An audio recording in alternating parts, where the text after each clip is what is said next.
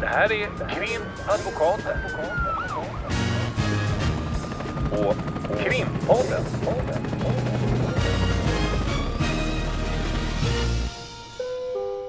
Parter och ombud kallas till sal 32. Hej Lotta! Hej Ulrika. Idag så tänkte vi att vi skulle prata lite om vad som händer sen. Och då Ja. är ju eh, första frågan, när är sen? Eh, sen är när man avslutar. Vi har ju pratat om eh, vår förberedelse, det gjorde vi i det tidigare avsnittet. Vi berörde då, liksom vi har gjort tidigare, hur eh, huvudförhandlingen går till och olika aspekter vad gäller huvudförhandlingen. Och vi har pratat lite om förundersökningsprocessen eh, och eh, relaterade ting till det. Den, det, den. Eh, och idag då, som vi inte har pratat om, eh, tänkte vi eh, När man lämnar rättssalen, lite. helt enkelt. Ja, men lämna rättssalen och det här som kommer i kölvattnet av processen. Vad händer sen? En titt på kölvattnet. Mm. Mm. Vad händer sen då? Det är ju lite olika beroende på vilket mål det ska sägas. Om det är en klient där en, en, en huvudförhandling avslutas med eh, samtliga juridiska aktörers pläderingar, det vill säga slutord. Man pekar på det man tycker att rätten ska ta med sig när de ska eh, göra sina bedömningar och sina enskilda överläggningar. Eh, och i det, om det är till exempel en häktad klient, ehm, så till exempel så kan det vara så att åklagaren framställer ett, ett yrkande om fortsatt häktning. Och då ehm, så får man bemöta det som försvarare. Och så får man vänta på beslut i, i häktesfrågan eh, först och främst. Eh, och då komma tillbaka. Dels för det beslutet. Kort paus. Eller en längre paus en beroende på hur, paus. hur mycket kanske rätten har att ta ställning till vad gäller själva häktningsfrågan. Det är ändå vissa överväganden då då. som ska göras. Ja Liksom. men precis, och vad man kan flika in där då, då eh, är ju att de ska ju bedöma om det fortfarande finns sannolika skäl. De behöver ju då inte bedöma hela vägen upp till att det är ställt bortom rimligt tvivel. Men finns det fortfarande sannolika skäl eh, och de häktningsskälen som åklagaren har anfört. Som så- en eh, liten häktningsförhandling Ja, i effektiv form. mycket effektivt. Mm. Ehm, men, och så får man också då tidpunkt för dom ska sägas ehm, innan man lämnar salen. Eh, och så går man ut. Och är det så att rätten då meddelar att klienten ska vara fortsatt häktad. Då tycker jag i alla fall oftast att det blir som att då fortsätter man ju ha kontakt med sin klient men man väntar på det här. Det blir som ett vakuum, liksom att man väntar på domen. Ehm, Då åker, om, om klienten är häktad så åker ju klienten tillbaka eh, till häktet. mm, Och då eh, är det väl kanske så att eh, man, det är väl eftermiddag för det mesta Mm. och man är ganska slutig i knoppen för man har varit väldigt koncentrerad. mm, och så har man fått ett beslut om fortsatt häktning och då behöver man inte spekulera i vad det leder till. Men man rafsar ihop eh, och försöker få med sig alla sina papper och pennor och, och grejer och förundersökningar och datorer och allt vad det nu är. Och sen så eh, brukar man gå tillbaka eller åka tillbaka till kontoret och då är det inte så sällan som eh, redan innan man kanske har klivit på pendeltåget eller hoppat in i taxin som det Eller i rings bilen. ifrån häktet. Eller i Mm, bilen. mm. Så ringer klienten och vill ha en sammanfattning kanske. mm, Frågar hur, hur det har gått. Frågar också, inte så sällan, hur det kommer att gå. Mm. Nämligen domen. Och eh, det får man ju då, ja, man kan inte spekulera hur det kommer att gå, men man kan säga att det här tyckte jag var positiva delar och de här grejerna som kom fram var bra. Det här kanske var mindre bra. Så får man på något sätt eh, få klienten att, att känna, ja men vad bra, då har vi avslutat den här dagen. Mm. Och så Och får jag vi tror att- vänta. Och det tror jag att det blir i, nästan i samtliga fall. Alltså när det är en, en klient som har varit frihetsberövad eller säg att det är ett mål där det kanske är andra som är frihetsberövade så att det är under ändå en viss tidspress. Så att man har en del kontakt med sin klient. Relativt intensiv kontakt, men kanske framförallt om de är, är frihetsberövade för då då får man ju en speciell relation tycker jag. Man är den som besöker och man, man pratar kanske med anhöriga, man får en inblick på ett sätt i, i familjen. Det kanske är praktiska saker man har hjälpt till med. Det här har vi ju pratat om i tidigare poddar också, allt det här som vi gör liksom under själva eh, förundersökningen. Och då när det sen då är förhandling och klienten är kvar i häktet så det blir det ganska naturligt att man har liksom jobbat fram till det här. Mm. Det kanske är en, en, besvikelse eller en oro över att man är fortsatt häktad. Ehm, och också behovet av att på något sätt landa i det som man har jobbat fram till. Och nu är det avklarat. Liksom. Som en urladdning kanske... för båda tror ja, jag. Och en vecka kvar eh, för det mesta eller två tills mm. själva domen kommer. Då. Mm. Och då är ju klienten häktad fram till domen kommer. Eller om domstolen när de har satt sig till sin överläggning kanske kommer fram till att det når inte upp till till de beviskraven som krävs och då kan det ibland vara så att det, man får ett meddelande om att klienten är försatt på fri fot. Mm. Eller så går dagarna och så inser man att nej, det kommer nog inte bli så mm. och då kanske det kommer en dom efter någon vecka eller två.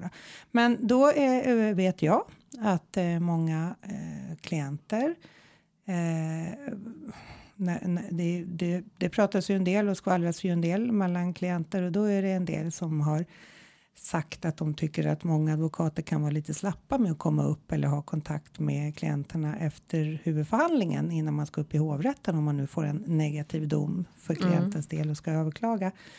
Och eh, eh, det, det, ligger nog en del i det. Därför mm. att fram till att man har fått förundersökningen och åtalet och man ska upp i huvudförhandlingen då, då, är det ju precis som du säger att då har man verkligen laddat från båda håll. Från mm. både klienten och mm. advokatens håll. Man har fått ihop målet, man vet hur man ska argumentera. Man har, man har lagt upp strategin, man har läst förundersökningen som man ju får del av då. Alltså det är ett, ett gediget intensivt arbete inför huvudförhandlingen i tingsrätten, absolut. Och, och då är det inte så konstigt att det blir en liten paus fram till domen.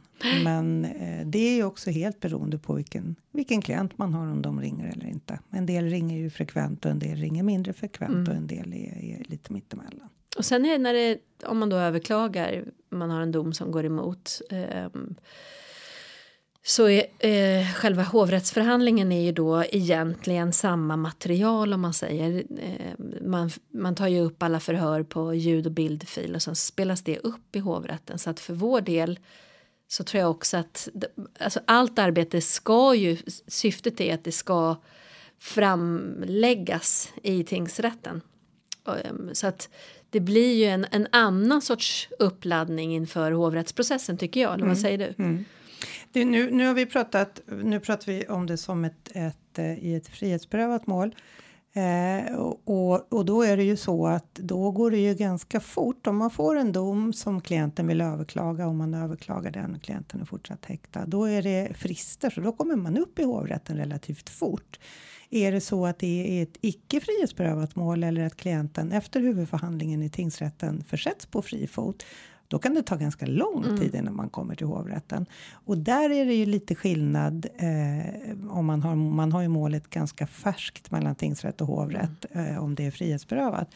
Men det kan ju ta ett år kanske emellan och så kanske det blir inställt och sen så, så kanske det tar ytterligare några halvår. Ibland kan det ta väldigt lång tid mellan tingsrätt och hovrätt om klienten inte är häktad. Mm, oh ja. Och, och då kan det vara att man nästan måste man har det ju någonstans i bakhuvudet, mm. men att man måste titta på detaljer och så där. Och då brukar jag förbanna mig själv över att jag tycker att jag har antecknat så bra fil, fil, finurliga invändningar eller någonting som behöver komma fram och så har jag inte alls gjort det. Så jag inte alls kommer ihåg vad det var som var så väldigt finurligt när jag väl kommer upp i hovrätten. Det är därför du ska ha det här PMet som jag pratade om och försökte ja, lansera precis. i vårt förra. Ja, där man hela tiden skriver någonting. Liksom. Det är mm. ganska bra sen inför mm. hovrättsprocessen. Ja, jag hör vad du säger. Ja, det har gått. Men det finns ju också, man kan ju ta ut de här ljudfilerna och lyssna igenom om man vill friska upp minnet. Mm. Ehm, just inför hovrättsprocessen. Men om man pratar rent generellt då, vi säger att ehm, en eh, klient som till exempel inte blir fortsatt häktad och som har varit frihetsberövad, det var jag ju med om här ganska nyligen. Det är ju en, en eh, väldigt... Eh, Var det samma dag som eh, huvudförhandlingen avslutades? Mm. Mm. Som han, det meddelades då att han försa- försattes på Ja, fri fot? precis. Och då sitter ju eh, anhöriga och så vidare med i salen oftast och alla har ju förhoppningar om att man äntligen ska liksom kunna få prata med varandra på ett enklare sätt än när det är en Som person som är på frihetsberövad. Ja, just när det är restriktioner. Det här tror jag är någonting som, som eh, inte så många känner till, men hur svårt det är att få prata bara med sin familj. Liksom. Alla dessa regler och eh, ansökningar som ska ske, det ska stämma och det ska finnas en person som sitter med och bevakar och precis som du säger i vissa fall har de inte haft någon kontakt eller säg sitter man frihetsberövad några månader kanske en eller två samtal med en, en nära anhörig som inte alls har någonting med, med misstanken att göra. Så ser det ju ut, eller hur? Och så kommer då den här eh, huvudförhandlingen där man då får sitta och inte prata med varandra för restriktionerna kvarstår ju oftast i de här målen fram tills dess att målet är genomgånget i sak, det vill säga när det inte längre är den här kollisionsfaran, alltså risken att påverka, alltså, eller hur, rent formellt är det ju så, så att ibland när, när någon kanske inte kan hålla sig utan vill säga någonting så blir man ju också stoppad och åthutad. Eller springa fram och, och krama. krama och sånt får man ju inte göra. Eh, så det är ju också väldigt speciellt eh, för familjemedlemmar och andra som sitter där. Och sen då när det meddelas att den här personen inte längre ska vara, det är ju det är otroligt eh, rörande scener ibland tycker jag. Och det är lite intressant därför att det är ju så att när det beslutas att en person inte längre ska vara frihetsberövad och från att det uttalas så eller beslutet är fattat så är man inte det längre. Och då eh, kanske det är så att man sitter där i huvudförhandlingssalen och får höra det här beslutet och så är man iklädd eh, häktets, kriminalvårdens gröna eh, kriminalvårdskläder och det kanske är mitt i vintern och man har ett par eh, såna här eh, Foppa-liknande sandaler. Eller de här mjuka gymnastikskorna. Ja, Mm. men då är det lite Ja, påklätt det är lite ändå. mer. Mm. Eh, och, och man så, kanske inte vill gå hem med dem. Liksom. Nej, och jag, har varit, jag var med om det en gång för länge sedan. Eh, jag kommer inte ihåg vad det var, jag tror det var i Attunda tingsrätt där min klient bara flög i luften av pur glädje och det var anhöriga, hans tjej och lite sådana olika anhöriga med. Och alla blev jätteglada och det blev någon sorts krigsdans där. Att alla, det var ju fel uttryck kanske, men alla kramades och jublade. Och, och domaren sa till, ja, ja, men nu har vi avslutat och nu får ni gå. Och då är ju den vanliga proceduren att den som är häktad får gå tillbaka till häktet även om den är icke frihetsberövad. Men man har ju sina prylar där som man vill hämta. Men det gjorde inte han, så han sprang ut. Nej, det var faktiskt sommar då. Han bara sprang ut där utanför tingsrätten och jublade i de där gröna häkteskläderna. Det var, det var väldigt roligt. Eh, och sen eh, försvann han. Ja, Ja, med, med de där kläderna. han brydde sig inte så mycket Nej, om dem. Man kan ju komma tillbaks och sådär, Ja. men det är ju Det kom in ett nytt förordnande ganska snart. Mm. Då hade det hänt lite grejer på vägen. Men det är ju som du säger, det är lite som att, vad kan man säga, proppen går ur, och, fast det låter negativt, men att alla blir alldeles euforiska över att man faktiskt får träffas. Mm.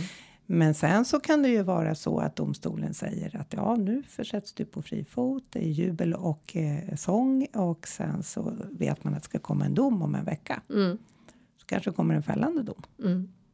Så kan det ju Så vara. kan det ju vara. Med fängelse. Mm. Ehm, och då, då, blir det ju, ja, det, då blir det ju ett överklagande oftast. Om man ehm, har förnekat eller man har haft någon invändning. Ehm, men ehm, vi säger att det blir en fällande dom även i hovrätten. Och då blir det ju snarare en fråga om då verkställa det här straffet. Och då brukar man kallas av kriminalvården. Det är en helt annan process liksom. Man behöver ju inte sitta häktad bara för att man ska dömas till fängelse så kan man ändå vara på fri fot i avvaktan på att börja verkställa. Där är det ju många när man får eh, ett beslut eh, som, eh, som privatperson, om man ska säga, och anhörig för den delen också får ett beslut om att en person blir försatt på fri fot. Eh, som sagt, det kan ju hända i anslutning till huvudförhandlingen eh, eller att det händer någon dag eller några dagar efter. Då eh, är det ju inte så där särdeles ovanligt att man tolkar det som att man kommer att bli frikänd. Och det, eh, hur många gånger vi än har, har informerat klienten om, om hur, hur de där reglerna ser ut så är det ju svårt ibland att kunna tänka så som privatperson. Det är klart att man tänker att man är fri. Mm. Och så kommer domen på, på två års fängelse. Ja. Då är det eh, som du säger. Då eh, är det ju också. Vi har ju våra advokatetiska regler som säger att vi måste ta kontakt med klienten Mm. för att eh, kontrollera om klienten vill överklaga domen eller inte. Mm. Och eh, det måste vi göra. Får vi inte tag på klienten så måste vi överklaga för att vara på den säkra sidan. Mm. Men om då klienten säger att jag vill överklaga, då måste ju vi göra överväganden och, och presentera dem för klienten. Det kan vara att man kanske har varit åtalad för en misshandel och en våldtäkt och det blir ogillat i våldtäkten och att man då döms för misshandeln till sex månaders fängelse. Våldtäkt är minimum två år så hade man blivit dömd för våldtäkten hade det blivit två år och sen lite till på, på misshandeln. Men så kanske man blir frikänd då, då från våldtäkten. Och då måste ju vi eh, såklart informera om eh, att eh, om vi, det vill säga klienten, överklagar så kan det också bli så att åklagaren överklagar. Dels kan ju åklagaren självständigt överklaga som det heter innan den, in, inom den tre veckors fristen som är från domen meddelas. Då kanske åklagaren eh, överklagar och säger att den här personen ska dömas för den här våldtäkten som jag har åtalat för och, och bevisningen håller minsann visst och tingsrätten har gjort fel. Då, då är det inte så mycket att, att göra mer än att man kanske överklagar själv då. Men om man själv överklagar och inte åklagaren överklagar inom den där tre veckors fristen, då heter det att åklagaren kan anslutningsklaga. Mm. Och inte så sällan, det är ett understatement, så överklagar åklagaren anslutningsvis och yrkar på att det ska bli även dom i, i här våldtäkten, att man ska dömas för den, eller att det i vart fall kanske ska bli mer ingripande eller ingripande påföljd eller ett högre fängelsestraff. Och då betyder ju det att man sticker ut hakan själv när man överklagar, därför att då öppnar man för att åklagaren kanske anslutningsvis. Jaha, nu ska han ha den här saken prövad, eh, den tilltalade. Då kan jag minsann eh, begära att personen i fråga ska dömas för det här och det här. Och så för de som inte vet kanske man ska säga också att om man överklagar självständigt som eh, den som har blivit dömd In, Så utan är att man- åklagaren utan åklagarens överklagande så riskerar man inte värre än, än tingsrättens dom. Mm. Så det är ett, ganska, vad ska man säga, ett säkert överklagande. Ett Men, säkert precis. ja, men om åklagaren anslutningsklagar så ska även då åklagarens ändringsyrkande prövas. Men åklagarens överklagande om det är anslutningsvis, vilket då sker en vecka efter eh, sista tid för överklagande i, självständigt. Då står det tillsammans med eh, den dömdes, eller vårt överklagande. Mm. Och det Då- innebär att om man återkallar sitt så faller även åklagaren. Så Precis. då blir det inte värre än tingsrättens dom. Så det är ju flera överväganden Mm. oftast som det blir fråga om i, i, i de fall man överklagar. Så om man tänker vad händer sen? Ja, det händer ju ganska mycket sen. Man får en, en, en dom, man får kanske en, en frikännande dom. Klienten, eh, om det är en klient som inte är frihetsberövad längre eller inte har varit frihetsberövad, får, får, vi får ju domen på mail och Mm. klienten får ju domen via snigelpost om det inte är lämnad någon mail och det tar ju några dagar. Mm. Så ofta så kommer vi överens om att klienterna kan ta kontakt med advokatbyrån och få domen via deras egen mail eller via vår mail till dem. Mm. Och då kanske man inte så sällan sitter i någonting annat, men då, då får man eh, kanske jubel och, och eh, ja, allt det nu är om det blir en frikännande dom eller något helt annat om det blir en fällande dom på, på sms eller någonting som man sätter på telefonen. Då ringer vi upp och pratar med klienten om hur vi ska göra och så, att läs domen, vi går igenom domen. Mm. Men då eh, är det ju så att om en klient blir frikänd, han har förnekat brottet eller hon har förnekat brottet och blir frikänd eh, så är det ju en tung plikt att säga till klienten att vi får nog ha lite is i magen här eftersom det finns tre veckor för åklagaren och även målsäganden att överklaga det här. Mm. Så ta inte ut någon glädje i förskott utan vi får avvakta. Och Men sen oftast ringer man vi ju- och kollar. Ja, så är det ju. Vi ringer och kollar eh, när det börjar närma sig dag för sista dagen. Men man kan ju ana när det är till exempel en nämndemannadom som vi säger att, att ordföranden i tingsrätten kanske har velat fälla ehm, den tilltalade. Men det blir en friande dom på grund av att nämndemännen tycker annat. Då kan man ju säga att ja, det kan vara en risk här att det blir ett, ett Ganska hög överklagande. risk. Mm. Ganska hög risk ifrån att det kommer ett överklagande. Så att vi har ju oftast någon aning i alla fall vad, vad som kommer ske. Men då gör vi så eh, att vi eh, helt enkelt om, om klienten är, är frikänd och, och är på fri fot att vi hör av oss efter domen och går igenom domen eh, muntligen, eh, skickar över domen, går igenom man, alltså, tingsrättens analys, visar vad de har pekat på och, och, och vad de har lyssnat på och vad de inte har lyssnat på och så.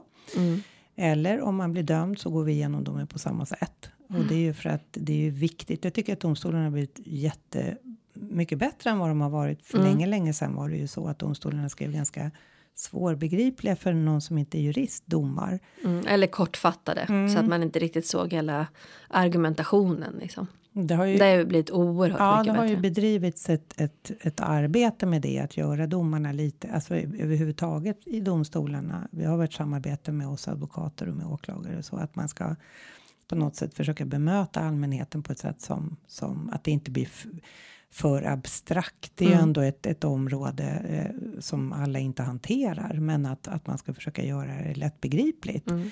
Och, och kanske inte snärja in sig i, i, i korta skrivningar och bara med paragrafhänvisningar. Mm. Men vi går igenom domen då, då och sen så är det så att eh, blir man frikänd, eh, ja då eh, tittar vi då eller vårt kansli ringer till domstolen eller mejlar till domstolen dagen efter sista överklagande dagen. Man får ju överklagande till en sekund i tolv på natten för att se om det är överklagat. Och är det inte det, ja då kan man meddela klienten att nu är, är det lagakraftvunnet. Det betyder att nu gäller domen, det vill säga nu fortsätter du vara frikänd eller nu är det så att eh, ingen har överklagat och inte du och då gills domen och då ska du avtjäna en samhällstjänst eller vad det nu kan Mm. vara. Mm.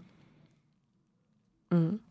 Men om vi hoppar ännu längre fram då, vi säger att eh, det är en klient som har blivit dömd fängelse och eh, börjar verkställa och hamnar på anstalt och sådär. Har du ofta kontakt då med klienten när, när det är själva fängelsevistelsen?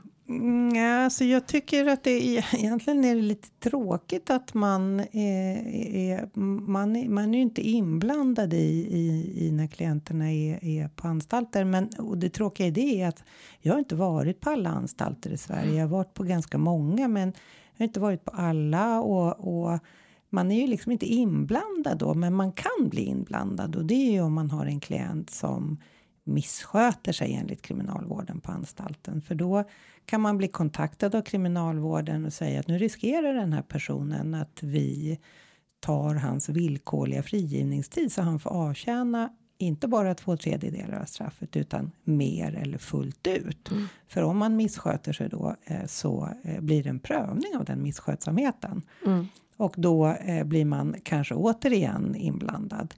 Eh, då, eh, så då har man ju kontakt, men då har man ju bara telefonkontakt med klienten. Och skälet till det är att klienten sitter oftast för det mesta långt bort och man, det ingår inte i uppdraget att man ska åka dit. Men ibland åker man ju och träffar klienter och det kanske inte handlar om, om villkorlig frigivningsprövning. Men ibland är det ju så. Och kanske i de flesta fall man är ute på en anstalt och träffar en klient är det ju om man kanske tar över ett mål mellan tingsrätt och hovrätt. Då åker man ju och träffar klienten eftersom det finns alla skäl i världen att träffas och gå igenom eh, handlingarna, gå igenom om det finns ny bevisning och så.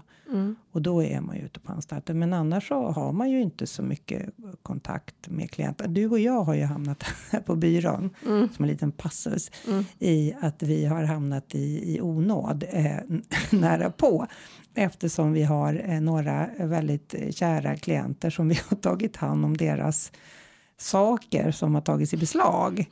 Ja, Just det. Jag, har två, Jag visste inte var du var på väg, så jag tänkte så, var har vi Var det hamnat i vi hamnat i onåd? Ja, men det har du rätt i. Det här är ju det är en annan del, alla kläder och allt det här som... eh, Ja, under utredningen så tar polisen vissa saker i beslag, mobiler, kläder och annat. Det är också, som vi sa, kläder som eh, eh, kanske inte alls används i utredningen men som man har tagit och som egentligen inte har undersökts. Liksom. Och när det hävs sen så kan det ju vara sida upp och sida ner med, Och då sitter beslag. kanske klienten frihetsberövad och har inga Mm. möjligheter i världen att åka och hämta. Eh, Jag blev faktiskt av med den där elsparkcykeln. Eh, Det var en väldigt snäll jurist som åkte härifrån byrån som åkte och hämtade den. Den vägde ganska mycket. Men som tur var så kom det någon släkting och hämtade den. Men eh, ibland har ju vi fått gå och hämta beslag om de är i närheten här.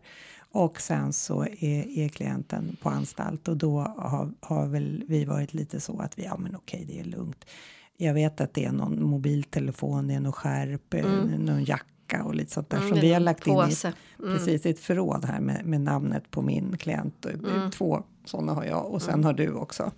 Och då brukar våra kollegor säga, men vi ska ju få plats med vårt arkivmaterial och, och vi, ni kan inte ha de här påsarna, men, men vi, vi har begärt att få ett litet undantag där. Mm. Och då när klienten försätts på fri fot efter några år eller vad det kan bli, då kom, får de komma hit och hämta sina grejer om det nu är så att det inte finns någon annan person som kan hjälpa Nej, till med det det här. är ju de fallen Mm. liksom, när det inte finns någon som... Och då ska de hämta en mobiltelefon som kanske är fyra år gammal. Ja. Inte så, Eller en jacka som är alldeles för stor eller för liten. Ja. Beroende på vad som har hänt i Eller fängelset. en väldigt omodern eh, Ja. mössa eller keps. Men ibland händer det ju att det ringer en klient som man kanske inte hört av på fem år eller Säg vad är min mobil? Nej men som bara vill rapportera lite. Det, sånt tycker Mm. jag är, det är ju väldigt eh, intressant och man blir alltid så glad liksom att se vad, ja, eller om det inte är för att man eh, det finns ju de fall som du var inne på att de kommer igen liksom naturligtvis. Men just de här som bara vill berätta, ja men nu har jag muckat här och jag gör det och det är ju Mm. inte så ofta och det är ju kanske naturligt. Att man inte tänker på sin advokat det första man gör. Man kanske ska fixa till sitt liv eller någonting. Men det är väldigt uppskattat. Ja, det, det är jättekul när du säger det för att det, är- jag, jag tror att det, de som hör av sig, eh, det kan även vara man har varit eh, målsägandebiträde eller försvarare åt någon som är, är väldigt ung Mm. eller sån här särskild företrädare så för någon som är, är under 18 som hör av sig några år eller många år efter. Mm. Det är nog oftast Ja. ungdomar alltså, som ja, hör av sig precis. efter. Mm. Och berätta, ja, jag har blivit lärare eller jag har börjat jobba eh, på SOS eller jag blivit jurist för jag tyckte det var så roligt Mm. att lära mig lite juridik när jag hade det som advokat. Och det är ju jätteroligt. Det, det är, och det är ju fantastiskt när man får höra sådana berättelser. Mm. Det kanske inte är så jättemånga som hör av sig om det har gått åt pipsvängen. Men, Om de inte begär en såklart när man Nej, hamnar i arresten nästa gång. Exakt. Och då är det ju också ska sägas ett kärt återseende om det har gått och sen, men, men. Mm. Så att ehm, ja. Och det är kul för att det, även om vi inte är ute så ofta på anstalter så där. Många tror ju att vi är det. Jag är inte det i alla fall. Är du det? Nej, du menar själva fängelserna? eller? Nej. Nej, det är man väl inte. Ibland liksom om det är något särskilt. Men om Men det, det är något särskilt ganska- så kan man ju få ganska mycket skvaller och höra. Mm. Och skvaller hur det, hur det är just på den här anstalten jämfört med, med den här. Jag tror att vi har pratat om det lite tidigare. Eh, eventuellt, du och jag har i alla fall pratat Mm. om det när det är, är, är de olika häktena här runt Stockholmsområdet där vi eh, praktiserar.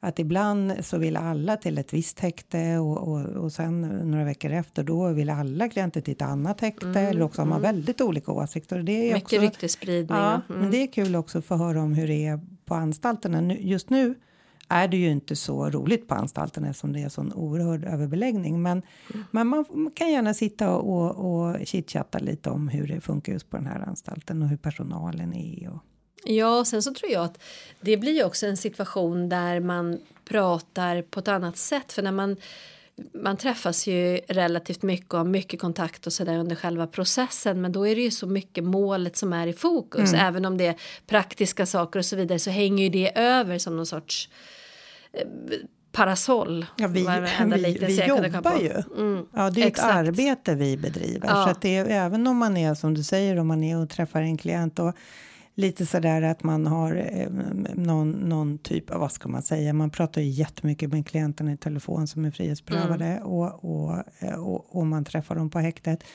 Och det kallas för isoleringsbrytande åtgärder. Det ska ju kriminalvården eh, själva ägna sig åt. Men det, det får man väl lov att säga att det kanske inte är så framgångsrikt i arbetet. Och då är det bra att vi träffar dem. Men oftast, Och då pratar man, jag får bara Ja. inflika det, det är inte att vi bara sitter och pratar eh, Väder. målet, för ibland är det ju ingenting. alltså, vi har inte fått, ja, men Du målet. pratar väder bara. Jag pratar bara väder just då.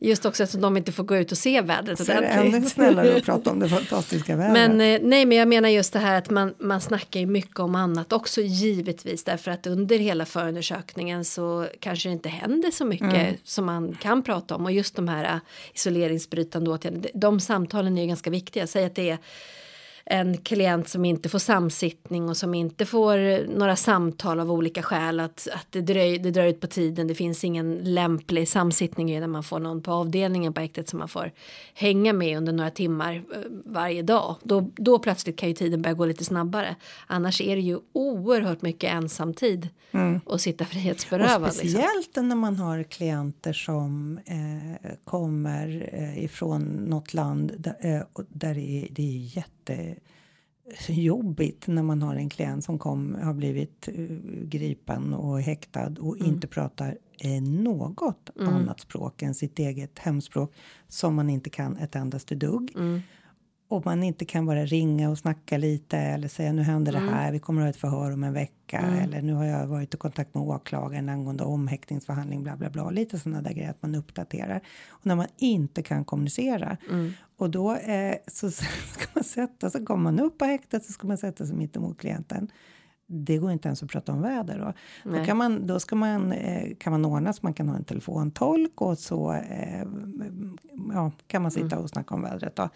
Det, det är ju inte helt optimalt och det måste Nej. vara oerhört eh, svårt oavsett vad man är misstänkt för eller inte oavsett om man är skyldig eller inte att inte Alltså titta på svensk tv eller amerikansk eller engelsktalande tv man inte har en klo.